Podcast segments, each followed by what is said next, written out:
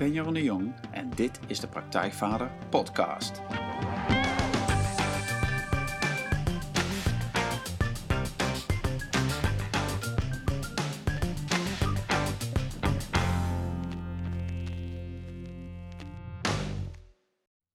Welkom bij een nieuwe aflevering van de Praktijkvader Podcast, waar ik, waarin ik iedere week iemand interview, een vader, een man met een goed verhaal, een boeiend verhaal, wat jou verder gaat helpen, kan inspireren bij de volgende stap in je vaderschap. En deze week interview ik Hans Bruns. En Hans die deed waar veel mensen alleen maar van dromen. In 2009 gaf hij zijn goede baan bij T-Mobile op en kocht samen met zijn vrouw Nel Griffioen een pension in de bergen van Oostenrijk. Want dat was hun droom: leven, wonen en werken en zijn in de bergen. En met veel liefde en hard werken toverde Hans en Neel dat om tot de Berghut. Een uniek concept met een grote schare enthousiaste fans.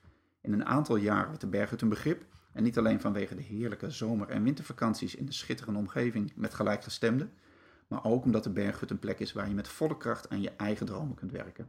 De Hans en wilde naast hun eigen droom ook die van anderen waarmaken.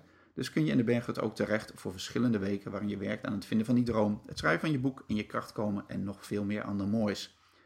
En ja, de quote die zij op hun eigen site uh, zette, die zegt dat heel mooi. In en om de berghut willen we mensen elkaar laten ontmoeten, inspireren en de bergen laten beleven in een authentieke en comfortabele setting.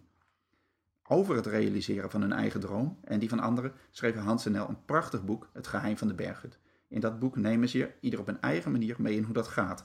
Van een droom die ontstond tijdens een bergwandeling tot een bloeiende bedrijf met meer dan enthousiaste gasten. En wat je daarin allemaal tegenkomt. Met als focus niet alleen maar het praktische deel, maar meer van wat je in jezelf tegenkomt. Het boek is een eerlijke en inspirerende kijk in het leven van Hans en Nel. En tegelijkertijd geeft het je een flinke boost om met je eigen plannen aan de slag te gaan, wat die ook zijn. Nou, Hans is ook vader van twee zoons die opgroeien in en om de berghut. En dat is natuurlijk nog een extra uitdaging, want hoe zet je een droombedrijf neer en breng je tegelijkertijd je kinderen groot in een vreemde omgeving? Wat vraagt dat van je vaderschap? Nou, over dit alles en nog veel meer gaan we het hebben in dit interview, want ook over uh, de nieuwe plannen van Hans. Want op dit moment gaat de Berghut een totaal nieuwe fase in. Eentje waarin Hans, Nel en hun gezin nog meer gaan doen wat ze graag willen. Want dromen zijn nooit af. Hans, welkom. Go, hi, leuk. Mooie introductie, dankjewel. Ja, graag gedaan. Um, ja, even voor, voor, uh, voor de luisteraars. Uh, jij bent nu in Oostenrijk, in Rauwers, uh, bij jullie thuis. Ja. Um, kun je beschrijven waar je nu zit en wat je ziet als je naar buiten kijkt? Um, ja, we hebben afgelopen najaar ons huis verbouwd om het ook ja, voor het gezin eindelijk ook op orde te krijgen. Voor de gasten hadden we dat al. En ons eigen huis was altijd een beetje een ondergeschoven kindje. Maar die stap hebben we nu ook gemaakt. En ik zit hier nu in mijn eigen kantoor en ik kijk uit op het Rauwse taal. Onze eigen tuin. En het heeft vannacht nog gesneeuwd. Het is geen wonderschoon weer, maar de wolken krullen rond de bergen. En ja, terwijl het uitzicht waar ik toch ook altijd weer blij van word. Uh, in Nederland zou je dan een grauwe dag hebben en hier krullen de wolken om de bergen heen. En ik zeg altijd, dat maakt de bergen zo mooi. Ja, wauw. Die diepte die het altijd geeft. Ja, hey, en hoe is het voor jou om, uh, om eigenlijk dag in dag uit op zo'n zo'n plek te zijn? Op die plek te zijn? Ja, het wisselt. Uh, mensen denken natuurlijk van, ja, je, vragen vaak, vaak van, ja, in hoeverre zie je nog de, de schoonheid? En wat ik daar altijd op zeg, ik, wat ik vooral heel gaaf vind in de bergen, is de, ja, de intensiteit van de seizoenen. En, en de wisselingen, die zie je zo sterk. Um, ja, dus wat dat betreft, ja, het is een genot om hier te wonen. Um, het is het contrast met Nederland, als ik ook aan die vraag denk. Uh, de ruimte en de, ja, wat ik gewoon heel gaaf vind, de vrijheid om eigenlijk met een kwartier ja, op de plekken te zijn waar ik wil zijn midden in de bergen, midden in de sneeuw, ja. midden tussen de koeien. Ja, heerlijk. Gaaf, mooi. Ja. En, um, en als jij nu, hè, jullie, hebben daar gewoon, jullie leven daar dag in dag uit met je werk, met de kinderen die naar school moeten. En um, hoe, hoe ziet jouw dag eruit? Uh, voor zover je dat kunt zeggen, maar misschien hoe ziet jouw dag er vandaag uit? Hoe begint die? Hoe doe je dat? Ja, je noemde net al inderdaad van we zijn aan het switchen uh, van, van een, ja, een fulltime pensioen wat zomer en winter open was naar ons nieuwe bedrijf, de Droomplek Academie. En daar doen we veel meer online. Um, en dat betekent dat we, ja, dat hebben we ook gedaan om eigenlijk nog wat meer ruimte en vrijheid te krijgen in hoe we onze dagen indelen. Want uiteindelijk uh, waren de seizoenen met gasten die hadden een, een veel strakker ritme. Je had, elke, ja, je had gewoon 30 weken, 28 weken per jaar gasten over de vloer. En dan heb je, s ochtends heb je momenten met de gasten en s'avonds heb je momenten met de gasten. Je hebt je operationele bezigheden. En op dit moment is het veel vrijer. Uh, we zijn heel veel online aan het doen. Dus wat dat betreft uh, ben ik ook heel blij met mijn nieuwe werkplek. Uh, dat ik, dat ik, ja, ik zit veel, enerzijds veel achter mijn pc. Ehm, dus zoals vanochtend, dan staan we om ja, rond half zeven op. De kinderen hebben hier nog wat Spartaanse schoolritme. Die worden verwacht om rond vijf of half acht op school te zijn. Zo, zo dat is vroeg. Ja, dus dat is vroeg. Dat was ook echt de eerste paar weken toen iemand aan het nieuwe ritme moest wennen. Hij kwam van de kleuterschool en daar was het rond half negen, kwart voor negen was prima. En dan hadden we ze eindelijk in het ritme dat ze ook gewoon tot die tijd redelijk uitsliepen. En, en wij ook. Ja. Maar echt die eerste paar weken dat we stonden om kwart over zes voor de spiegel, dacht ik echt van, ah, dit, is, dit is de komende tien jaar. Ja, precies. Uh, ja. Maar het went. Uh, het is vooral s'avonds vroeger naar bed. Maar zelfs vanochtend kwart over zes, half zeven op. Lekker ontbijten met de kinderen, kinderen naar school. Uh, en dan rond half acht, kwart voor acht even een kopje koffie. En dan om acht uur begint feitelijk onze effectieve werkdag. Ja. Uh, waarbij het ook wel belangrijk is om te zeggen, ja, weet je, die dag moeten we ook goed benutten. Want enerzijds begint het vroeg, school van de jongens, maar is het ook vroeg afgelopen. Dus de jongens die komt om half twaalf weer uit school. Okay. En daar is het kwart over twaalf. Uh, betekent dus dat ze ook veel rond om het huis zijn. En dat, het, dat ik, die ik samen heb met Nel, dat die wat dat betreft, ja, de echte samentijd om dingen te bespreken, die is echt s ochtends. Uh, maar vanochtend hebben we dan toevallig uh, met een, of toevallig met een PR-bureau gesproken over de lancering van een nieuw concept. Uh, daarvoor nog wat andere dingen over een nieuw programma op papier gezet. En nu een podcast met jou. Ja. ja. En vanmiddag ga ik dan toevallig, nou, toevallig ga ik in en om het huis een aantal klussen doen. dus even weer de handen uit de mouwen. Ja, en hoe is het dan dat je, de, dat je kinderen daar, hè, die zijn er heel de middag. Um, die lopen dan, uh, die zijn, lopen ook rond. Um, betrek je ze bij het werk wat je doet op een bepaalde manier? Um, ja, ik moet zeggen, het, af en toe is het lastig. Dat heeft ook met de aard van mijn beestje te maken. Ik ben een van mezelf wat introvert aangelegd persoon. En ik heb in ieder geval denk, denktijd nodig. En ik kan er wat dat betreft slecht tegen als ik, als ik in een denkproces gestoord word. Ja. Ik heb er heel erg aan moeten wennen. Uh, en dat was ook de eerste paar jaar nog een veel grotere bottleneck. Nu, nu is het ook zo dat we gewoon weten van oké, okay, s ochtends dan hebben we echt de ruimte voor onszelf om dingen te bespreken. En smiddags hebben we dat minder. Um, ja, en dan het liefst, het is niet per se betrekken, maar wat het beste werkt, is uh, in, de, in, de, in de energie van de jongens werken. Dus we hebben buiten een grote garage en ik klus graag. En ik heb ook in de bergen altijd veel geklust. Uh, dat als ik in de garage in de gang ben en ze zien maar dat ik bezig ben, dan gaat het altijd goed. Ja. Uh, de valkuil, nou dat zal bij, waarschijnlijk bij meer ouders uh, herkenbaar zijn. Uh, als je achter je computer denkwerk aan het doen bent, dan zien de jongens dat vaak als tijd die ook aan de kinderen besteed kan worden, aan hun. ja, dus dat, ja. ja, dat levert wel eens een wrijving op, om zo maar te zeggen. Maar dat, ja, dat is een modus. Ehm, ze zijn nu 7 en 9 en dan merk je ook dat ze wat dat betreft veel meer hun eigen ritme gaan kiezen. Ja. Ja, precies. Ja. ja. het is aan de andere kant, en dat, wat ik zeg, het klinkt nu heel af en toe, dat ik af en toe denk van, ah ja, het Nederlandse schoolsysteem met dat ze wat meer van huis zijn, heeft ook zijn voordelen. Ik moet het ook echt zien als een, als een zegen dat ik met ze ontbijt, met ze lunch en met ze avond elke dag. Ja, want dat is wel, dat is inderdaad anders. Hè? Je, ziet ze, je maakt veel meer van ze mee ook. Ja. En dat komt natuurlijk ja. ook omdat jullie aan huis werken. Dus dat, ja. uh, dat scheelt ook. Ja. Ja, en um, dat is wel mooi om te, ja, nog over um, hoe bevalt het ze? Ik ben gewoon benieuwd hoor naar je kinderen. Van hoe, ja. hoe is het ze bevallen? Om, uh, ja, het is gewoon zoals het is natuurlijk. Maar hoe doen ze het? Hè? Daar ben ik benieuwd van. Met, met jullie drukke leven, met de berghut. En nu gaat het een andere fase in, zeg je net. Maar hoe was dat, ja, misschien ook wel voor jou, om, um, om gewoon tegelijkertijd dat, dat bedrijf op te zetten, daar druk mee bezig zijn, al die gasten over de vloer. En ook gewoon ja, midden in de jonge kinderen te zitten.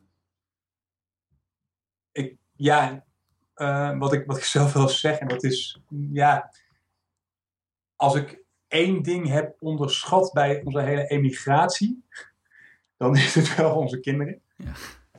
We hebben de keuze gemaakt toen onze oudste, die was toen, toen hij negen maanden was, tien maanden zijn we hier op de oriëntatie geweest in, in. En toen hebben we uiteindelijk de keuze, toen is ons oog op dit huis gevallen.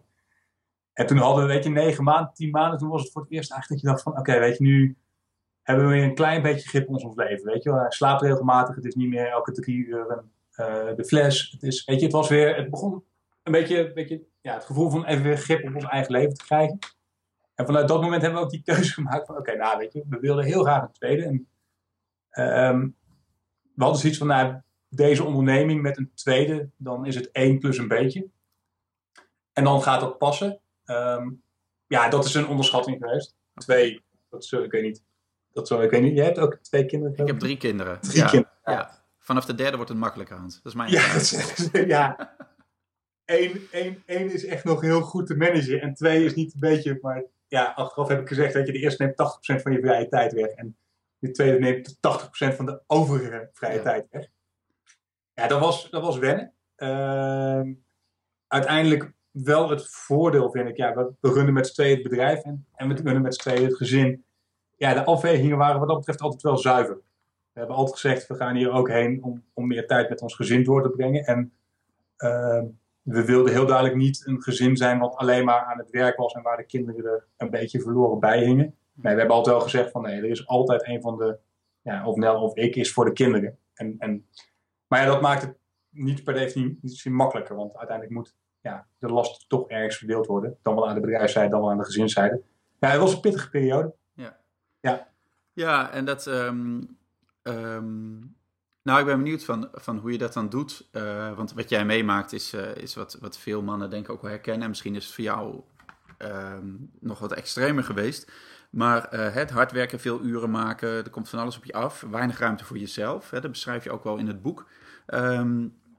Uh, je hebt denktijd nodig, maar misschien ook gewoon dat je even, ja, even gewoon tijd voor jezelf. Het is een bottleneck voor veel mannen, vaders. Herken hem zelf ook wel.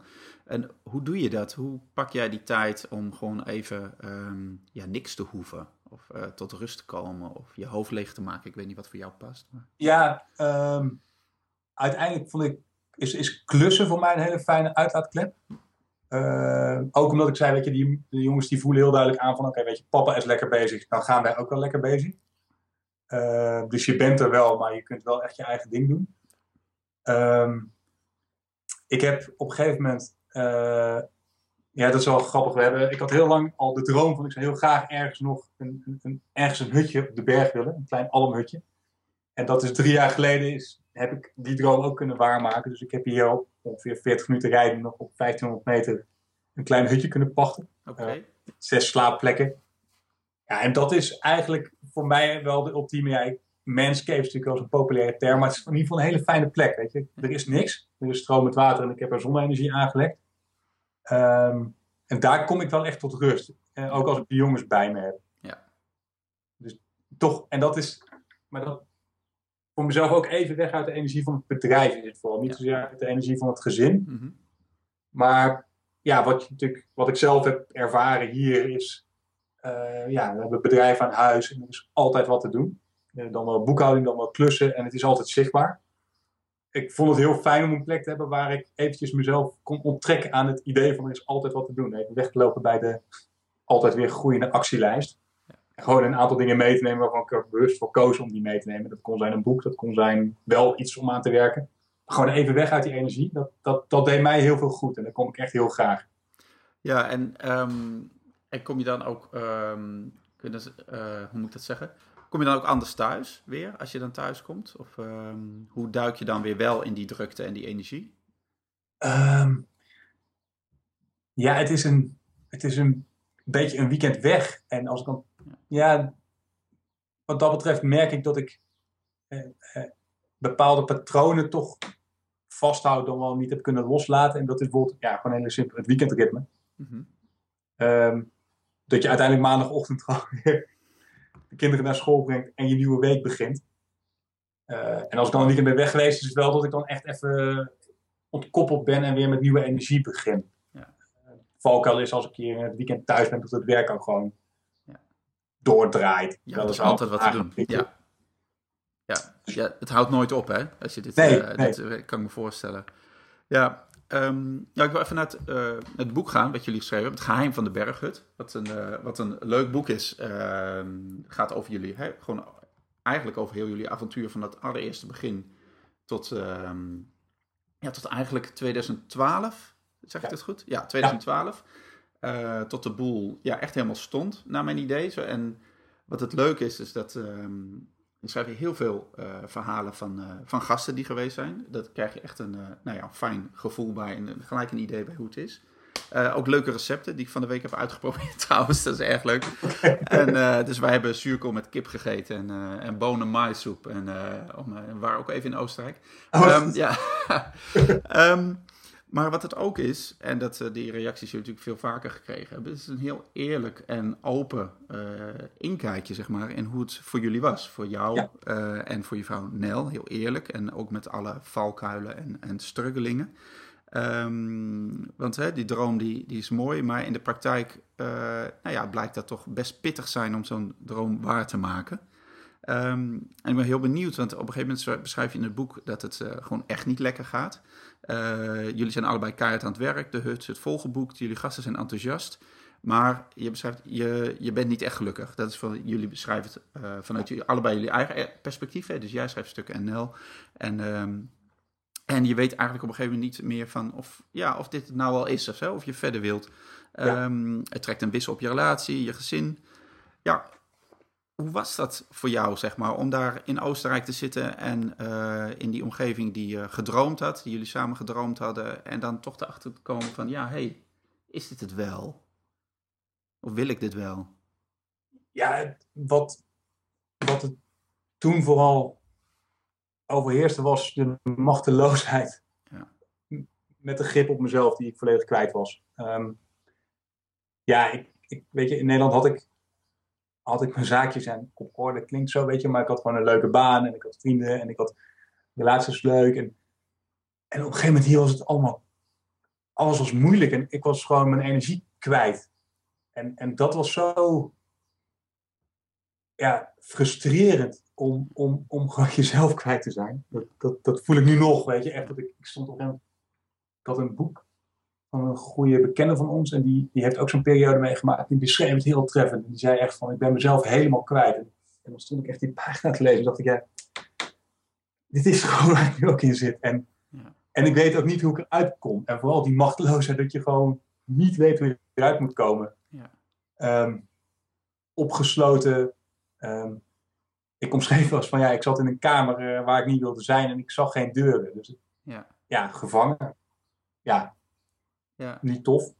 Nee, en, um, en terwijl het werk gaat gewoon door, want er moet ontzettend veel gebeuren. Het, draait allemaal ja. door.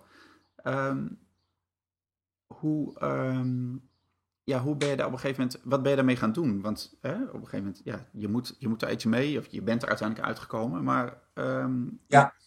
Wat, wat, wat was je stap, of hoe ben je daarmee begonnen? Ja, nou, uiteindelijk, ja, wat ik in het in dit boek komt het ook wel ter sprake. Kijk, uiteindelijk, en dat is echt een stukje, weet je, ja, weet je ook, ook van ja, laten we dit wel of niet zien. Maar uiteindelijk ja, stond onze relatie gewoon heel sterk onder druk. En zo sterk dat, dat Nel achteraf zeg ik ook volledig terecht, wel gewoon tegen mij zei van ja, weet je Hans, of je gaat er nu iets mee doen, of het is wel een klein beetje klaar, weet je, dan, dan neem ik het heft weer in eigen handen.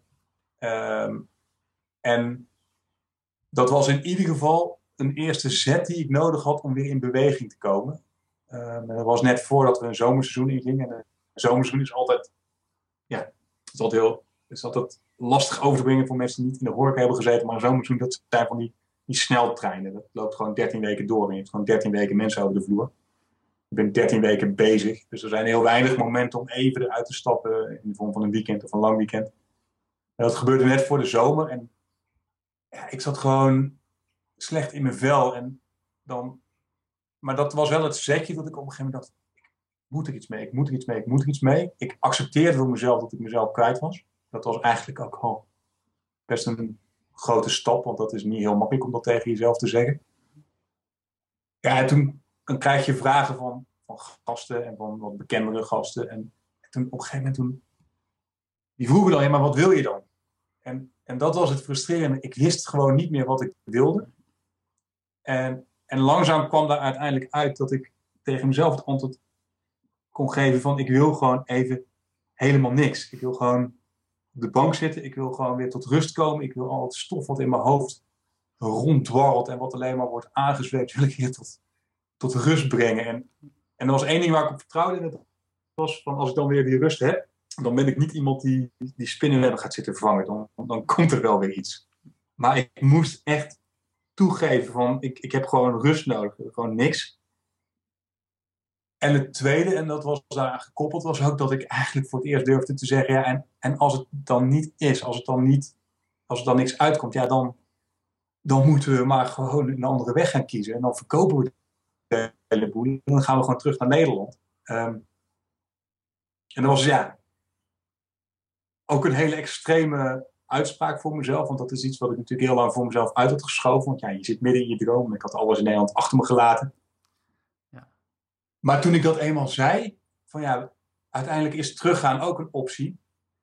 Toen, dat, toen ik dat ook echt durfde te voelen, toen durfde ik ook te zeggen, toen had ik voor mezelf een doorgang gevonden. Toen dacht ik van, ah, oké, okay. nee, weet je, uiteindelijk, ja, er is altijd een deur in die kamer. Uh, En dat is gewoon terug. Ja. ja, en dat was eigenlijk dat moment, die twee, die twee inzichten, dat was wel een beetje het kantelpunt. Ik dacht van, ja, weet je, ik heb het zelf in de hand. Ik moet gewoon, en als ik dit nu wil, ja, dan moet ik niet naar andere mensen gaan kijken. Niet naar Nel, niet naar mijn omgeving. Ik heb het zelf gekozen en ja, ik ben ook degene die zijn keuzes moet maken als het anders moet. En ja. Ja. Achteraf kan ik er nu heel relatief makkelijk over praten, maar dat was wel een heel heftig proces. En dat inzicht heeft wel echt mijn leven, ook mijn kijk op het leven, wel redelijk veranderd. Ja, ja en, en wat is dan de essentie daarvan, als je zegt dat heeft mijn kijk op het leven veranderd? Nou, uiteindelijk heb, je, heb ik gewoon verantwoordelijkheid te nemen voor mijn eigen leven. En, en als ik terugkijk naar mezelf, dan ook naar wat ik daarvoor deed, dat ik heel goed was om uh, mee te liften op wat er gebeurde. En, en heel vaak niet, niet een bewuste verantwoordelijkheid wel of niet te nemen. En, en nu was het dat ik zo diep dat ik uiteindelijk, ik werd gedwongen om, om die verantwoordelijkheid te nemen, omdat het anders gewoon niet goed ging. En dat inzicht en dat, ja, wat ik zeg, dat, dat, dat heeft wel gewoon ook, wat ik zeg, mijn kijk op de wereld doen veranderen, maar ook naar hoe ik naar mensen kijk. Dat ik dus ook mensen dingen zie doen, dat ik denk, ja, maar is dit nu wat je echt wil? En, en zo niet, weet je, jij bent degene die het kan veranderen en niemand anders voor je. Ja. Dus vandaar dat ik zeg, het heeft mijn kijk op de wereld veranderd. Ja. Begrijp je wat ik zeg? Ja, ik begrijp het en het, ik herken het ook. En het is gewoon een thema wat, wat, wat heel veel terugkomt bij heel veel mensen. Denk Dat weet jij ook. Je, je ziet ook al die mensen bij jullie die al die trainingen komen doen. Maar ook, um, het gaat zo van... Um, ik heb in, in, mijn trainingen vaak, vaak mannen die... Um, ja, op een of andere manier soort, soort nog vastzitten of kijken naar de partner of kijken naar hun eigen ouders. Van ja, weet je, als die nou veranderen of als mijn partner verandert of als mijn kinderen veranderen, zeg maar dan, dan, dan, dan wordt mijn leven beter. En terwijl ze dat zeggen, weten ze meestal ook wel, zeg maar, dat dat hem niet is. En nou ja, jij zegt dat nu heel mooi over die, die verantwoordelijkheid nemen en gewoon helemaal ervoor gaan. En het is, denk ik van, bij jou was het een dubbele, want je nam de verantwoordelijkheid uh, voor je droom om, om alles hier op te geven, of alles, nou ja, toch wel, ja, alles hier achter te laten en naar Oostenrijk te gaan. En dan kom je in die droom en dan, um, dan is er nog niet geregeld. En dat is misschien wat, wat veel mensen uh, denken. Ik ben benieuwd hoe jij dat ziet. Van dat, um, dat als je die droom gaat leven, dat je er dan bent. Snap je wat ik bedoel? Ja, ja, ja. ja en hoe, ja, hoe zie jij dat? Ja, bij het, het principe van een droom is wat dat. Ik, ik heb hier niet, niet geen type theorie over, maar je leven, ja, het, het, het, is veel meer van welk levenspad bewandel je. Ik denk dat het daar eigenlijk om gaat. En, en zit je op het goede pad. En, en ja, achteraf ben ik heel blij met de keuzes die we gemaakt hebben. Want ik heb inzicht in mezelf gekregen waarvan ik denk van, poeh, ik ben ik ze nu op mijn, uh, ik was 38, 39, dat ik ze toen heb verkregen en niet als ik 60 zou zijn geweest. Um, maar het heeft, alleen al het, je eigen pad gaan wandelen, dat biedt zoveel mooie dingen. Dus alleen daarom, daarom motiveren wel mensen hun droom te gaan volgen. Of dichter bij hun passie te gaan zitten. Want het is misschien niet die passie op zichzelf die, die het najagen waard is. Want uiteindelijk, ja, als je een doel bereikt, dan is het ook maar weer het bereiken van een doel. Maar het pad er naartoe en alles wat je tegenkomt, dat maakt je zoveel rijker.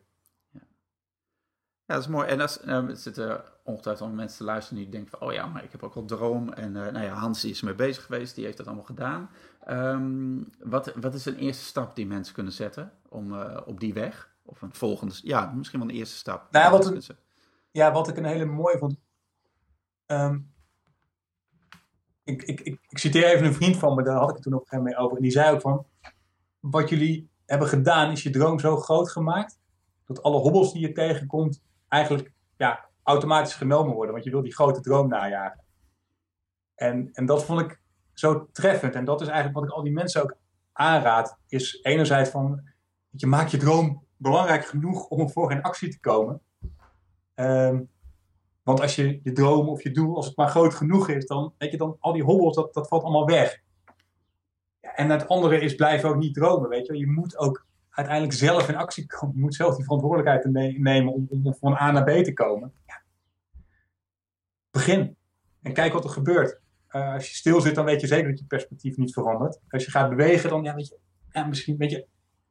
Bij mij zat het ook niet mee. In ieder geval niet mee. Ik, ik ben ook in de situatie terechtgekomen. Gekomen klinkt een beetje eh, als een slachtoffer, maar waar ik niet wilde zijn. Maar het heeft me ook weer zoveel nieuwe inzichten en perspectieven gegeven. Dat ik nog steeds blij ben dat ik die droom ben nagejaagd. Ja, ja precies. En het, het mooie is, um, wat jij ook zegt en wat er op jullie site ook te lezen is, van uh, de droom is, is nooit af, de droom is nooit klaar. Ja. En, um, en dat betekent dat jullie nu ook uh, een, een andere fase ingaan met, uh, met, uh, met de berghut. En um, ja, hoe is dat? Want, want je, eigenlijk wat het, wat het was, of wat de berghut was, hè, die, al die gasten die, wat jij zegt, zoveel weken bij jullie over de vloer komen dat wordt minder of dat verdwijnt. Kun je daar iets over zeggen? Ja, ja we hebben op een gegeven moment we zeven jaar de berghut gedraaid. En ja, dat was gewoon leuk en goed. Um, maar een aantal dingen is anders gelopen dan we eigenlijk van tevoren verwacht hadden. Um, ik dacht van tevoren, hoe zal ik het zeggen? Ik dacht ook, ik kan wel veranderen met een aantal karaktereigenschappen. Nou, dat bleek minder zo te zijn. Um, dus ik, zat, ik ben heel erg van nieuwe dingen leren. Um, ik kan slecht tegen repeterende zaken. Maar ik dacht, nou, dat, in de berg gaat dat wel veranderen. Dus nou, je, het koken en uh, dat, dat ga ik wel doen. En het personeel aansturen. Maar dat was, ja, weet je, nou, los van het feit dat ik ook tegen wat andere dingen aanliep. Ja, was dat gewoon echt niet mijn ding. Um, en doordat ik zo slecht in mijn energie zat, viel dat uiteindelijk op Nel terug. Uh, het was ook niet Nel dat ding. En, en, dat, ja, in die hele situatie hebben we dat zes, zeven jaar gedaan. Maar Nel die kwam er ook achter van personeel aansturen is niet mijn ding. Ik had ook gezien, van ik heb het bij T-Mobile gedaan. En daar zat ik met ja, hoogopgeleide, ambitieuze mensen. Dat dat een hele andere manier van managen is dan wanneer je met uh, seizoenspersoneel zit, wat eigenlijk primair wil skiën en voor de rest heel taakgericht moet bezig zijn. Ja, dat is anders. Ja ja, dus dat dat ook niet mijn ding was om elke keer weer te moeten zeggen van de kaarsjes in de stoel moeten aan. Of weet je. Nee, dat was. Ja. Nee, en daar liepen we eigenlijk allebei tegenaan. En toen heeft Nel op een gegeven moment ook gezegd: weet je, ja, nee, dit is gewoon ook niet meer wat ik wil. Um, ja, en vanuit daar zijn we eigenlijk terug gaan kijken, van, teruggestapt. Van ja, wat willen we dan wel en waar zitten dan onze krachten? En wat zijn onze kaders en wat zijn onze, onze basiskeuzes? En een van die keuzes was, nou, we willen heel graag op deze plek blijven wonen. Oostenrijk bevalt we wonen echt op een waanzinnig mooie plek. En niet onbelangrijk, onze jongens die zijn hier gewoon gelukkig. Dus ja, dat was eigenlijk wel het kader wat we geschetst hebben. Van al het nieuwe wat we willen gaan doen. Dat, moet, dat, dat, dat willen we doen vanuit deze plek. Vanuit deze basis. Ook ja, voor onszelf en ook vooral voor de jongens. En toen ja, hebben we gekeken, wat kunnen we dan? En wat we zijn begonnen is de Droomplek Academie. En dat is een bedrijf waarbij we mensen die uh, ook een stap uh, willen gaan zetten om een gastenbedrijf in Nederland of in het buitenland te gaan beginnen, of dat al hebben, uh, willen ondersteunen en meer vertrouwen willen geven om die stap tot een goed ja, gevolg te brengen. Ja. Uh, ja, dus dat is wat we nu aan het doen zijn. Ja, dus en dat was een hele grote stap. Ja, ja, dat is mooi. Maar wat je gaat doen is wat jullie zelf eigenlijk hebben ervaren en geleerd, dat ga je nu doorgeven aan anderen.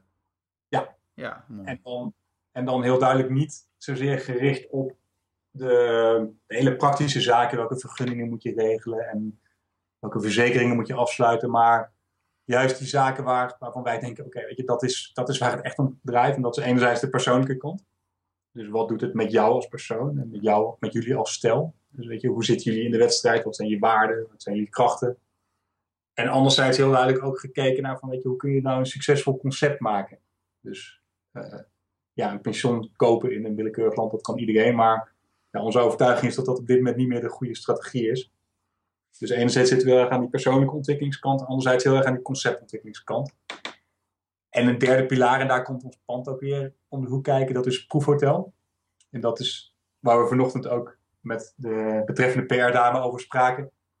En het idee dat mensen eigenlijk drie weken lang de sleutel van ons pand krijgen en hun eigen gasten meenemen en drie weken lang onder onze coaching mogen proberen hoe het is om in het echt een gastenbedrijf te runnen. Oh, wauw. Oh, dat is mooi. Ja, ja en, en dus ook twee apen op hun schouder te hebben. Enerzijds verwachten we van hen dat ze hun eigen gasten binnenhalen. Dus dat ze ook eens gaan voelen hoe is het om alleen, weet je, niet alleen het verhaal te hebben en de droom te hebben, maar ook concreet met gasten aan de gang te gaan.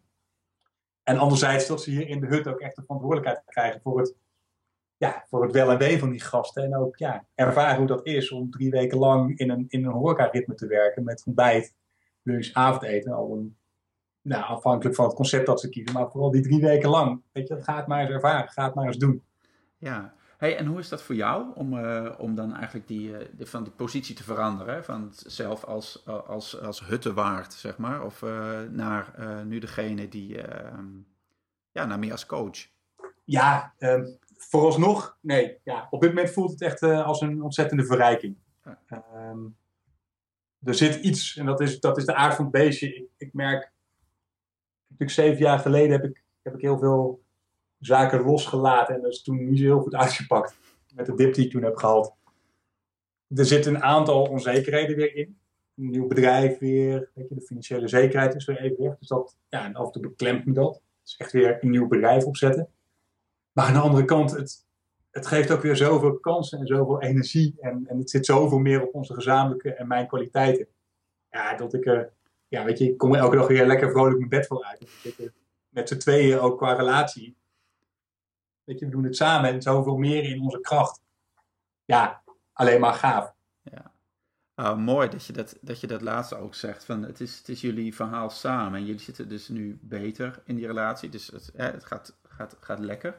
Ehm, hoe uh, heb je nu een idee van, van wat je daarvoor doet? Uh, om, dat, uh, ja, om dat te laten stromen, zeg maar. Dat het, want je bent niet de, enige, want er zijn heel veel fase kent, zelf ook gewoon met alles wat er is, is je relatie leuk houden, stromend houden, is, is gewoon een hele klus.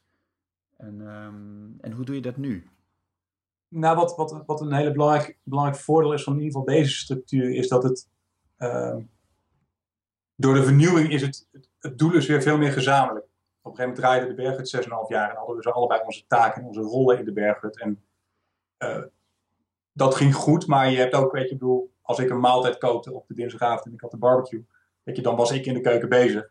Um, als Nel op donderdagavond de cirkel met kip aan het maken was, dan was Nel in de keuken. Um, dus wat dat betreft, dat is ook vanuit efficiëntie, weet je, heb je gewoon je taken in een bedrijf. En er zaten ook veel meer in het bedrijf. En die zijn er veel meer aan het bedrijf aan het werken. En dat geeft ja, in ieder geval de aard van beestjes van Nel en mezelf veel meer energie om aan een bedrijf te werken. En of ook weer de door af te dalen in het bedrijf. Of gewoon met concrete dingen doen. Maar ja, je bent weer samen aan het filosoferen. Je bent weer samen aan het dromen. Um, ja, dat is gewoon heel gaaf. Ja. En daarnaast vind ik zelf, en dat merken we nu, we zijn nu eigenlijk, we hebben afgelopen winter nog gewoon vol gastenseizoen gedraaid. En vanaf begin april zijn we met, hebben gezegd, komende zomer draaien we geen gasten. En zijn we begonnen met de Droomplek Academie fulltime. We zitten weer wat meer in een wekenritme. Dus overdag hard werken, s'avonds ook tijd voor de kinderen. Uh, het weekend tijd. Dus het, de structuur is duidelijker. Uh, en dat is gewoon lekker, weet je. We kunnen nu gewoon zeggen, we gaan zaterdagmiddag gaan we lekker de bergen in met de jongens. Ja, en dan kunnen we dat zelf bepalen. Dan is het niet van, oh ja, maar hoe gaat het dan met gasten? Of hoe regelen we dat hier in de bergen? Er is weer tijd en er is weer ruimte. En dat, alleen dat al geeft heel veel lucht en heel veel vrijheid. Ja. Mooi. Ja, het is mooi van om, om gezamenlijk uh, iets te hebben. Dat je samen een droom hebt of zo. Waar je, weet je, het is mooi dat je zich aan kunt werken en niet erin kunt werken. Zodat, uh, ja, dat is mooi. En het is heerlijk dat je dan ook nog gewoon het weekend de berg in kunt lopen. Dat is echt uh, ja. super. Ja. ja. Hey, ik ben wel benieuwd. Um, in jullie, hè, gewoon tot nu toe de berghut. jullie hadden weken voor verschillende doelgroepen. Dat zat ook in jullie concept. Um, zodat de mensen gelijkgestemden elkaar konden vinden, zodat de, de, gezinnen met kinderen niet op hetzelfde moment zaten als de mensen die geen drukte wilden. Dus, maar die jonge gezinnenweken, zo in de winter en de zomer, daar beschrijf je ook veel over in het boek. Um, die waren succesvol, die zaten vol. Je hebt heel veel gezinnen met jonge kinderen gezien. Um, en zo ouders en hoe die dat doen. En ik ben benieuwd hoe dat was om dat zelf ook als gezin tussen te zitten. Maar ook gewoon wat je opviel. Gewoon uh, ja, aan, aan ouders, hoe ouders het doen, hoe kinderen zich daar voelden. En, uh, en misschien wat het jezelf gebracht heeft nog in je eigen ouderschap. Maar... Nou, wat ik heel leuk vond om te merken hier in de berghut, en dat, dat heeft ook een beetje met, met de plek te maken midden in de bergen. Ja, we trokken mensen aan die, uh, die dingen met hun kinderen wilden doen, die ze iets wilden bijbrengen. En dat vond ik heel gaaf. Um, je gaat niet ergens in, in een of ander bergdorp zitten als je alleen maar aan het zwembad wil zitten. Nee, je wil die kinderen, je wil ze de berg laten voelen, de natuur laten voelen. Um, ja, en dat vond ik altijd heel, heel, heel gaaf om te merken. Dat, het, dat, het, ja, dat we in ieder geval die mensen aantrokken die ook echt met hun kinderen op vakantie gingen. Um, ja, dus er gebeurde ook altijd veel. Zeker in de familieweken. En dat is iets wat onze jongens ook zullen gaan missen komende zomer. Dat is nog een dingetje. Weet je, dan bij lekker weer, weet je wel, gewoon lekker voetballen. En dan, weet je wel, uh, met, met, met, met acht vaders en, en, en, en vijftien kinderen over een klein veldje rond, rondrennen. Ja, heerlijk. Dat vind ik gewoon heel gaaf om te zien.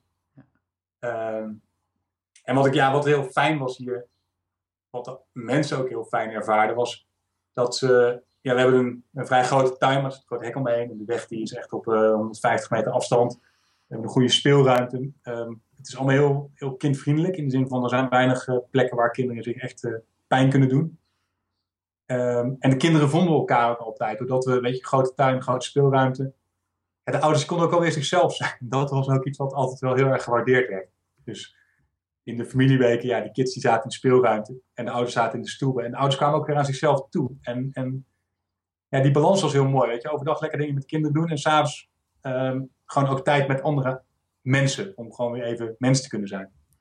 Ja. ja. Dat is grappig. Wat, wat, wat is dat dan? Dat, uh, weet je, mens zijn of tot zichzelf komen, zeg maar. Wat, wat, wat... Ja, wat, wat me altijd opviel, toen wij zelf met de jonge gezinnenweken begonnen, toen waren we ook jong gezin, zo maar te zeggen. Dus kinderen onder 4, 5 jaar.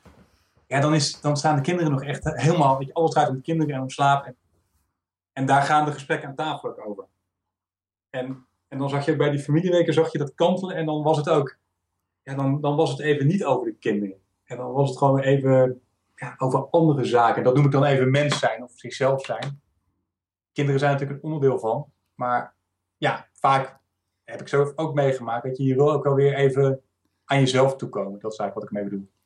Ja. En inderdaad die gesprekken voeren die niet alleen maar gaan over uh, slaapt hij door en uh, eet hij en uh, wel of niet, zeg maar. Ja. En dat soort, ja. dat soort, ja. dat soort dingen. Ja. En, en, op het moment, en wat ik zeg, op het moment dat de kinderen altijd, want we hebben, we hadden ook, we hebben ook in principe dat de kinderen die hebben de speelruimte, is echt hun domein en daar aten ze ook.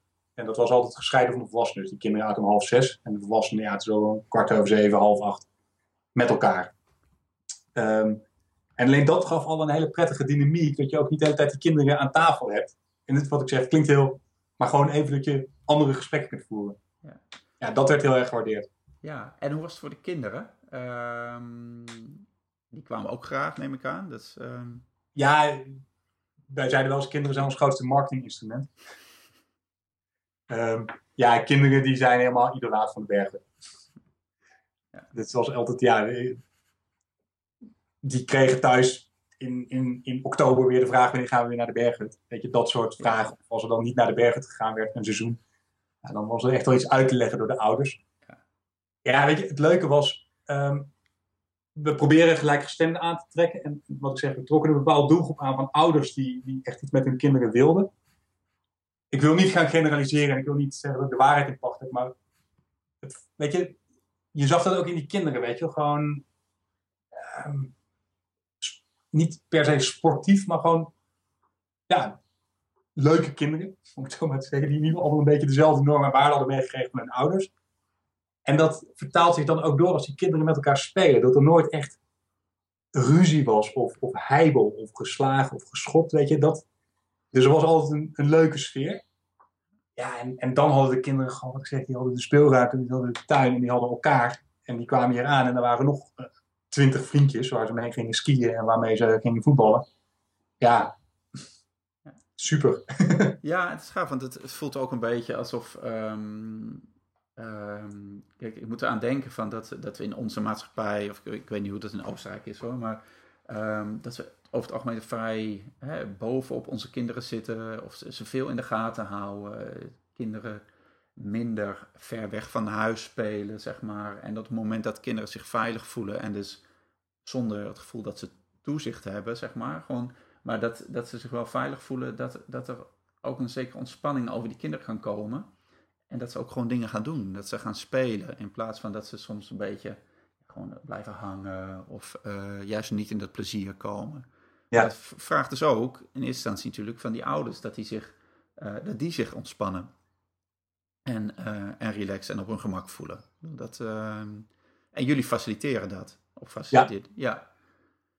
Ja, en ik denk ervan, hoe zou je dat, eh, kijk, hoe zou je dat zelf, hoe doe je dit nu zelf? Misschien is dat gewoon de vraag van, hoe doe je dat nu zelf van, eh, met je eigen kinderen? Nu je, hè, je hebt die weken niet meer, zeg maar, maar hoe doe je dat, ja, in het dagelijks leven? Dat je, dat je kinderen ook, ehm, ja, dat ze zich veilig voelen, dat ze ook dat, dat avontuurlijke of dat onderzoekende, dat ze dat hebben, zeg maar.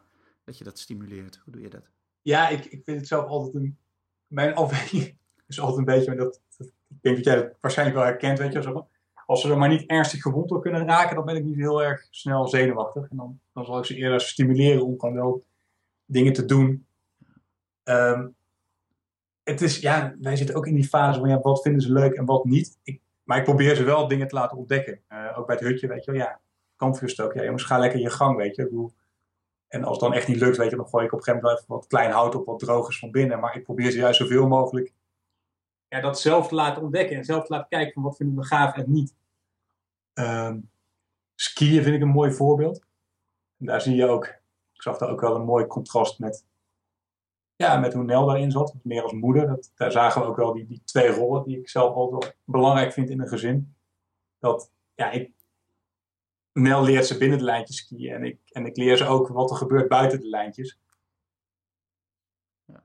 Ehm, ja, ik, En wat is dat dan, buiten de lijntjes skiën? ja, ik ga met ze op piste skiën. Uh, Ibon die vindt het gaaf om, ja, ik zeg niet grote lawines te maken, maar om te kijken wat de sneeuw doet. Dus dan heb je bij een greppel en dan vindt hij het gaaf om een lawinetje af te trappen. En daar wordt hij helemaal enthousiast van. En ik hou heel erg in de gaten van, zit het, zit het wel nog binnen de veiligheidsmarges? Ja. Maar ik vind, ik vind hem dat op laten zoeken en dat laten ontdekken. Het laten, ja, dat is wel wat ik hem probeer mee te geven. Ja. Nel die heeft dat ook. Maar ook zegt die Nel die zit dat ook wel van jongens, weet je, eh, met het skiën bijvoorbeeld, weet je, aan de, aan de zijkant skiën en niet zo de piste opsteken, oversteken. En dan denk ik, oh ja, het is goed dat dat ook wordt bijgebracht, want dat vergeet ik nog wel eens. Het is mooi hoe je elkaar daarin aanvult. Maar het is Ja. inderdaad wel de, de klassieke, klassieke verdeling of de klassieke aspecten van vaderschap en moederschap. Ja, En eh, nee, dat is mooi. Hey, en wat ik ook eh, las in jullie boek, eh, is dat jij, ehm, dat jij ook af en toe met de jongens gaat, gaat wildkamperen in de bergen. Ja. En, en dat vinden ze geweldig waarschijnlijk? Of, ja, hoe- wat, wat doe je daar? Ga je daar gewoon met je tentje de bergen in? Of, ja, dit, ja, toen ben ik gewoon inderdaad eh, met de tent, met brander, eh, ergens op een plek waar ik wel vaker geweest was. Eh, ja, kampvuur stoken, eh, tent opzetten, hout sprokkelen, marshmallows, slapen. Ja. ja, laten ervaren. Ehm, ja, dat. Komende winter wil ik het met iglo's gaan doen. Met, in ieder geval met de oudste. Met iglo's? ja, dan gaan we samen echt of een sneeuwhol bouwen of een iglo bouwen. Maar dan ga ik echt met hem, ja, dan ga ik het echt met hem eh, in nog wat barrere omstandigheden doen. Wauw. Ja, Ja. ja, gaaf. Ja, te gek man. Ik zie het helemaal Ja. voor me. Ja, te gek. Hey, en, ehm, en als, eh, dit is zo mooi, hè? Van, eh, wat, ehm, en al die mensen die in Nederland wonen, gewoon in een uh, buitenwijk, net zoals ik zeg maar. wat zou je tegen hen willen zeggen als, om, dat, ehm, om dat avontuur meer op te zoeken? Of daar te stimuleren van, jij kan de berg oplopen, zeg maar. Bij ons is dat misschien wat moeilijker, maar toch. Wat, ja. Ja, wat ik, wat ik Nee, ik vind, het een, ik vind het een goede vraag. Ik vind hem ook lastig te beantwoorden, omdat ik, ik ken de, de context in Nederland steeds minder. Ja, ik vind vakanties en ook één op één vakanties gewoon met je kinderen gewoon heel gaaf. Ehm, dus weet je, de Ardennen zijn om de hoek. Weet je, en het is heel makkelijk om een keer te zeggen: weet je, ik ga gewoon even alleen met mijn kinderen op pad. Weet je, even niet als gezin. Want als gezin heb je misschien weer een andere dynamiek. Ja. Uh, juist een keer met papa of juist een keer met mama. En dan ook echt gewoon dingen gaan doen die, ja, en, en dat vind ik zelf ook wel, die jezelf aanspreken. Okay. Dus daar, dat is wel echt een overtuiging die ik heb. Ik weet niet of wat ik zeg, is niet, dat ik niet getoetst, maar ja, als ik mijn enthousiasme ergens over kan overbrengen, dan pakken die mannen dat vanzelf over. En dan is het per definitie leuk, want papa heeft het ook naar zijn zin. Ja, lijkt me erg belangrijk uh, trouwens. ja, ja nee, weet je, dat wordt vaak opgedraaid. je, dan ga je ergens heen waar de ouders niet naar zin hebben. Ja. Um, ja, ik spreek ook naar de jongens uit van, ja, weet je, ik doe dit nu voor jullie, weet je, weet dat wel, weet je. Dus kristalzoeken vinden ze echt super en, en dat waren we aan het doen, maar ze wilden echt, kost wat kost dat ik mee ging helpen. En ik zei, ja, weet je, dit is gewoon niet mijn ding, op mijn knieën naar kristal zoeken. Maar ik vind het prima dat ik hier ben, maar ga mij niet dwingen om nu met jou mee te doen. Want daar word ik gewoon niet heel blij van. Uh, er zijn genoeg dingen die ik wel gaaf vind met hem, weet je. Ik bedoel, als het weer daar ook weer beter wordt, gaan we lekker bergtop op klimmen. En die vindt hij gaaf en ik gaaf. Maar ik neem ook wel de ruimte om te zeggen wat ik niet gaaf vind wil niet zeggen dat ik het niet doe. Maar als je echt het avontuur stimuleert, dan, dan denk ik wel dat je vanuit je eigen energie moet komen. Nou, het wordt anders ook zo'n opgave. Hè? Van dat, um, ik doe zo'n klein voorbeeld wat ik zelf wel vaker geef. Het gaat gewoon over spelen met kinderen. En dat uh, als gewoon hier binnen zijn. Van de, mijn jongste die is nu acht, maar die had zo'n tijdje roos. Een tijd dat ze de hele tijd rollenspellen wilde doen. Dus dan uh, zegt ze van, oh wil je mijn poesje zijn of mijn hondje zijn? En ja, of met Playmobil poppetjes eindeloze verhalen. En in het begin denk ik van, nou oké, het is een meisje, ik had twee jongens en zij kwam dan voor het eerst mee. Ik denk, nou, zal eens kijken. Maar ik werd er gewoon echt heel zagrijnig van. Na vijf minuten was ik er klaar mee, misschien na twee minuten al. Ik denk van, ja, maar dat ga ik dus, ik kan het een keertje doen. Maar niet iedere keer, zeg maar. Dus dat, daar, als je die behoefte hebt, moet je kijken of je dat met iemand anders wil doen. Of een vriendinnetje of een vriendje, maar in ieder geval niet met mij. Maar ik kan wel andere dingen doen. En uh, die ik zelf ook leuk vind. Dan kan ik sowieso, vind ik het dan leuker om langer te doen. heb ik er zelf lol in. En, um, en dan ja, zorg je ook goed voor jezelf. Hè? Want dat is denk ik ook uh, dat je jezelf niet, niet wegcijfert. Of dat je denkt van ja, maar ik heb nu kinderen, nu kan ik dit niet meer doen. Of nu kan ik dat niet meer doen. Het is juist zo fijn om ze mee te nemen. En dat, nou ja, dat vertel je heel mooi en al die dingen. En in je eigen passies of je eigen, ja, waar je zelf blij van wordt.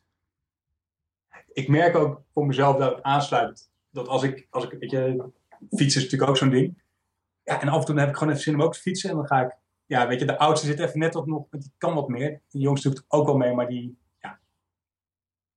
De oudste, die, weet je, daar kan ik al lekker mee mountainbiken. En dan, en dan fiets ik ook met hem. En dan, als ik dan in mijn energie zit, dan, heb ik ook echt, dan voel ik ook echt die verbinding. Ja. Weet je, dat ik echt oprecht kan zeggen, ja, echt tof jongen. Ik ben even lekker met je aan het fietsen. Ik, ik heb het naar mijn zin. Ja, het sluit heel mooi aan het voorbeeld wat jij zegt. Weet je, als ik het naar mijn zin heb en ik kan dat uitstralen, weet je, ja, die mannen wil ook gewoon lekker bezig zijn. En ja. ja. Precies. Ja. Hey, en als je nou ehm, door de ogen van je kinderen naar jezelf kijkt, uh, plaats je even van als het, uh, als het lukt. Van, hoe denk je dat, dat zij jou zien als vader? Goeie vraag. Het is altijd een vraag van hoe zien ze me en hoe hoop ik dat ze me zien. mag, mag je allebei beantwoorden. ja. Nou, ik begin met het eh. eerste van. Dit is misschien makkelijk van. Hoe hoop je dat ze, dat ze je zien? Ja, ik hoop in ieder geval dat ze een, een, een energiek persoon ziet. Die wat van zijn leven maakt. Op zijn eigen manier. En die, die, uh, die zijn kinderen probeert te inspireren. Ja, om dat ook te doen. Om in hun energie te gaan zitten. Ja. Hoe ze me werkelijk zien. Uh, zijn natuurlijk kinderen, dus ze zullen af en toe ook uh, zien ze wat meer de negatieve dingen dan de positieve dingen. Ik denk dat ze af en toe ook iemand zien die gewoon tijd voor zichzelf nodig heeft. Dus die niet altijd uh, voor ze klaar staat als hij er is. Als ze willen dat hij er is. waarbij ik ze dan af en toe ook probeer mee te geven het contrast met Nederland. Dus Ja. dat wij er al de hele dag zijn en dat we dan niet de hele dag voor ze klaarstaan. Dat dat ook, ja, misschien niet een hele vreemde situatie is. Nee. Nee. En hebben ze daar boodschappen aan? Hoe reageert ze? Dat ben ik wel benieuwd. Nee, dan, ja, dan, dan, dan, dan zie je een beetje zo van ja, ja, ja, ja, ja. Ja, precies. Ja. kinderreactie. Ja. Wat ik ook oké vind. Ja. En wat ik zeg, ik denk dat ze daar in de, ik denk dat, dat ze in de toekomst nog een aantal dingen positiever van me gaan vinden dan wat ze dat nu vinden. Ja. Aan de andere kant, ik denk wel dat ze heel blij met me zijn dat ik veel met ze doe. Ehm, dat ik ze hoop leer en dat ik ja, ja een, een, een veilige, ja, wel veilig ben om naartoe te gaan en dichtbij ze staan. Mooi. Ja, dat denk ik. Ja, mooi. Dat Ehm, hoop Ja, hey, ik ben heel benieuwd. en even kijken of je er antwoord op wil geven. Ik las op jullie site dat, ehm, dat jouw eigen vader is vorig jaar overleden. Ja. En ehm, ik ben wel heel benieuwd van wat eh, de rol van jouw vader is geweest in het, in, ja, hoe jij ja, misschien niet bent opgegroeid, maar hoe jij nu in het leven staat. Dus eh, je bent die droom gaan doen, zeg maar. Eh, is dat juist omdat je vader dat ook wil? Of was het misschien meer een reactie op? Of hoe, hoe is dat? Ja, goede vraag. Ehm, ik, ja, ik heb altijd heel, een hele fijne relatie met mijn vader gehad. Ehm, waarbij het mijn vader was wat dat betreft. Ik duid dat dan wel zoals de oude generatie die nog heel erg op carrière gericht was. En op materieel aanzien, veel meer nog. Ehm, dat heb ik en ik merk, achteraf, op een gegeven moment kwam ik erachter dat ik heel veel probeerde te doen om goed te doen voor mijn vader. Maar dat de keuze om naar Oostenrijk te gaan, dat hij dat niet per definitie ook als iets positiefs had gezien. En ik had een goede baan met T-Mobile en weet je, dat, dat, dat, dat praatte makkelijk ook naar zijn vrienden toe. Ehm, dus ik heb daar wel op een gegeven moment mezelf van losgemaakt. Dat ik dacht van, nee, weet je, wat is nu wat ik wil? En dat is veel meer mijn eigen energie leven dan, dan puur materieel en puur aanzien. Maar ik merk wel dat het stiekem nog wel af en toe een keertje doorvloeit. Weet je, dat, het, dat ik het wel, ook bij T-Mobile, weet je, uiteindelijk grote corpus draaien, weet je, dan is het veel alfa, alfa energie, veel alfa mannetjes zien en gezien worden, weet je. Ja, je wordt er ook in opgeslokt. Ik heb dat nu wel meer en meer losgelaten, maar ik weet wel dat het daar vandaan komt, denk ik. Ja. En hoe vond hij het uiteindelijk dat, je, dat jullie het gingen doen en eh, dat het goed draaide? En eh, gewoon überhaupt? Ja, hij, hij gunde het mij heel erg. Hij heeft volgens mij nooit, maar dat, ik heb daar wel met hem over gesproken, maar ik kwam daar nooit echt goed. Ik weet niet of ik dat ook echt eh, over de bühne heb kunnen krijgen, maar het, het, het gevoel van succes wat wij zelf hadden, van we zijn gewoon gaaf leven aan het leiden. En, en we zijn andere mensen aan het inspireren en, en dat, alleen dat al is heel gaaf en waardevol. Dat, dat heeft hij nooit zo gevoeld, omdat inspiratie niet een, een specifieke waarde voor hem was. Ja, ja. Dus, dus hij, hij, hij vond het wel leuk en hij, contact is er niet minder door geworden. Ja. Maar hoe, hoe sommige mensen, en dan praat ik even over de buitenwereld, af en toe tegen ons aankeken over wat wij aan het neerzetten waren en wat we aan het doen waren. En, en hoe we overkwamen naar de buitenwereld. Zo heeft hij nooit naar ons gekeken. Nee. Ehm, en afgelopen winter heb ik mijn zwager, die is bij een business weekend geweest. Ehm, en die heeft daar ontzettend gaaf tijd gehad, heel veel geleerd. En ook een aantal van de mensen die in ons netwerk zaten, die, die, die eh, waren medebegeleider bij dat weekend. En die, die kerel die heeft echt, weet je, die had echt een gave tijd. En die heeft echt gezien hoe, hoe Nel en ik in onze kracht stonden. En toen zei ik ook al tegen mijn zus achteraf, zijn vrouw. ehm, dat ik zei van, ik vind het jammer dat papa dit niet van hem een keer had kunnen horen. Dat hij het een keer van iemand die het mee heeft gemaakt, die dichtbij hem stond, hoorde hoe het was. Omdat ik denk dat dat hem had kunnen helpen te zien ja, wat we nu echt aan het doen waren. Ik zeg, ik heb daar altijd, ik heb dat nooit, ja, en dat vond ik jammer. Ja. Ja. Ja. Ja. Dat is eh, nou, wel mooi hoe je dat beschrijft. En ook jammer. Want hij is wa- waarschijnlijk wel gewoon bij jullie geweest in de hut. Ja. Ja. Ja, hij, is, hij heeft in het begin ook met het klussen, heeft hij met een aantal vrienden heeft hij heel veel meegeholpen. Ja. Ehm, maar toen op een gegeven moment ook door zijn ziekte, eh, ja, minder en minder. En, ja. Ja. ja, moeilijk. Nee, mooi. Hey, we, ehm, vanwege de tijd gaan we zo afronden. Ik heb het gevoel dat we nog wel een paar uur door kunnen praten samen. Ja. En dat doen we het volgende keer. doen we het in Oostenrijk. Ja, um, leuk. Ja, ja, dat lijkt me mooi. Um, ja, um, ja, ik wil gewoon een vraag van. Ik ben benieuwd van, als je nou terugkijkt, gewoon uh, op, uh, op het moment dat je voor het eerst vader werd, je oudste is negen, zei je. Ja. Wat voor, met alles wat je nu weet, wat voor advies of raad of tip zou je jezelf dan willen geven, als, als dat zou kunnen? En kun je even zeggen van waar je toen was in de fase van de berghut? Dus, de oudste is geboren, echt, die is twee jaar voordat, de voordat we met de berghut begonnen. Um, heeft een hele moeilijke start gehad. Uh, dus dat is een, een ontzettend emotionele periode geweest. Wat ik, wat ik daar echt uit geleerd heb is. Zorg dat je ruimte voor jezelf hebt tijdens de geboorte en eromheen. Dus dat je echt kunt ervaren en daarvan kunt, ja, bij ons was het niet per se genieten, maar het was het gewoon zijn. Want het was gewoon, wat ik zeg, een zware tijd. Maar zorg dat je er tijd voor hebt. Um, ja, weet je, het hele idee met, wat is, wat is het tegenwoordig? Een paar dagen vaderschapsverlof. Ja. Ik weet niet hoeveel het in Nederland tegenwoordig is.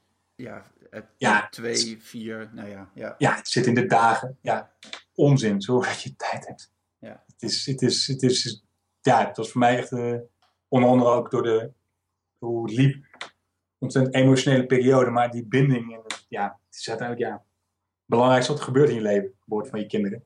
Um, neem er tijd voor. Ja. ja, en dat grijpt dan ook weer terug aan wat je in het begin van het interview zei: van hè, verantwoordelijkheid nemen over, uh, over alles uh, wat je wilt creëren in je leven. En dat geldt hier ook overigens niet zeggen van: ik heb maar twee dagen, daar moet ik aan denken. Ik heb maar twee dagen kraamverlof, dus het kan niet anders. Nee. Maar um, ga het regelen, ga het aan of zo. Want het is inderdaad. Ja, ja, een belangrijke tijd. Ja. ja. maar dat is wat ik zeg, dat is terugkijkend. Ja. Dus, ja. Nou ja, dat is fijn. Je leert, dat is mooi. Ja, dat is ook waar. Dat is ook jouw vraag. Ja, ja, precies. En, um, en als, als laatste dan, um, uh, ja, waar, waar zie je jezelf over vijf jaar staan? Heb je daar een idee bij? Um, het interessante is, we zijn op dit moment heel veel dingen aan het, aan het zaaien. En een aantal dingen beginnen te bloeien. Ik, ik geloof dat ik over vijf jaar, los van uh, dat ik nog, ja, dat ik gewoon met gave dingen bezig ben. En dat, ik heb afgelopen weekend, afgelopen jaar voor het eerst een IFLO-kamp georganiseerd met ondernemers. Dat wil ik, wat wil ik vaker gaan doen. Gewoon vaker naar het berghutje, ook met teams. Vaker, weet je, nog intensiever die mensen begeleiden bij de Droomplek Academie. Maar vooral de dingen doen waar, waar ik energie van krijg. Waar, waar ik samen met de jongens energie van krijg. En waar ik samen met Nel energie van krijg. Hoe zich dat precies vormgeeft. Uh, ik heb geleerd dat vijf jaar echt een, als je het heft in eigen hand neemt, dat je onwijs veel kunt realiseren.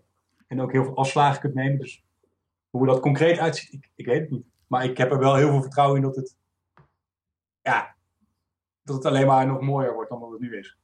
Ja, gaaf. Mooi, Hans. Uh, super, dankjewel voor dit, uh, voor dit boeiende gesprek. Um, als mensen meer over jou en de Berghut willen weten, waar kunnen ze dan terecht? Uh, deberghut.com, onze website van de Berghut.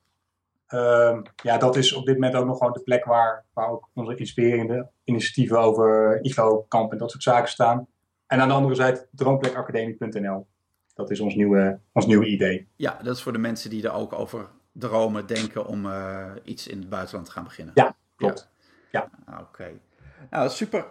Um, ja, bedankt Hans. Um, en uh, jij ook bedankt dat je luistert weer bij deze podcast. En uh, ik zal de linkjes naar dingen die Hans heeft gezegd, uh, de link naar de website, maar ook naar het boek, zal ik op de website zetten. En jullie weten dat is praktijkvader.nl schuine podcast. daarin vind je deze aflevering terug, maar ook de vorige afleveringen. En um, je kunt je op de podcast abonneren, dat is helemaal gratis. Dat kan makkelijk via je telefoon via de app uh, Podcast uh, als je een, een Apple-telefoon hebt. Of anders via een gratis app als Stitcher als je een Android-telefoon hebt. En daar kun je op, gratis op abonneren. En dan komen iedere week de nieuwe afleveringen komen gewoon gedownload op je mobiel, zijn klaar. Maar je kunt alles ook gewoon via de website beluisteren. En dat is praktijkvader.nl podcast. Hans, wij zien elkaar ongetwijfeld vast nog een keer in het echt. Um, en uh, tot volgende keer. Dankjewel. Oké, okay, heb het goed. Doeg. Dankjewel. Hoi, hoi. hoi. Hey, Jeroen hier nog even. Wacht nog even met je apparaat uitzetten, uh, want ik heb iets gaafs voor je. Als jij ook een avontuur aan wilt gaan en in dat avontuur je vaderschap een flinke boost wil geven, dan moet je dit echt even horen. Zondag 5 juni start de Vader Challenge editie 2016. Dat is een online programma dat bol staat van de uitdagingen die jou gaan helpen om de beste vader uit jezelf te halen. Als jij meer plezier en ontspanning in het leven met je kinderen wilt ervaren, als jij het vaderschap meer wilt invullen op de manier die helemaal bij jou past, als je de blokkades die je regelmatig tegenkomt in je leven op wil ruimen, en als jij nu eindelijk een keer werk wil maken van die betrokken en authentieke vader die in je zit, dan is de Vader Challenge iets voor jou. In 30 dagen ga ik je meenemen langs een serie uitdagingen waarin jij jouw kwaliteiten en talenten in je vaderschap beter lid kennen en beter lid inzetten. Samen met een grote groep andere vaders ga je deze uitdaging aan, maar het mooie is dat het een online programma is. Je kunt ze dus overal doen. Bij jou thuis, of dat nou in Zeewolde of in Oostenrijk is. Een mooi programma dat vooral ook leuk is. Meer dan 250 mannen gingen hiervoor en wat zij over de uitdaging te zeggen hebben en alle andere info vind je op www.praktijkvader.nl-vaderchallenge. Op zondag 5 juni starten we en ik heb je er graag bij. Oké, heb het goed!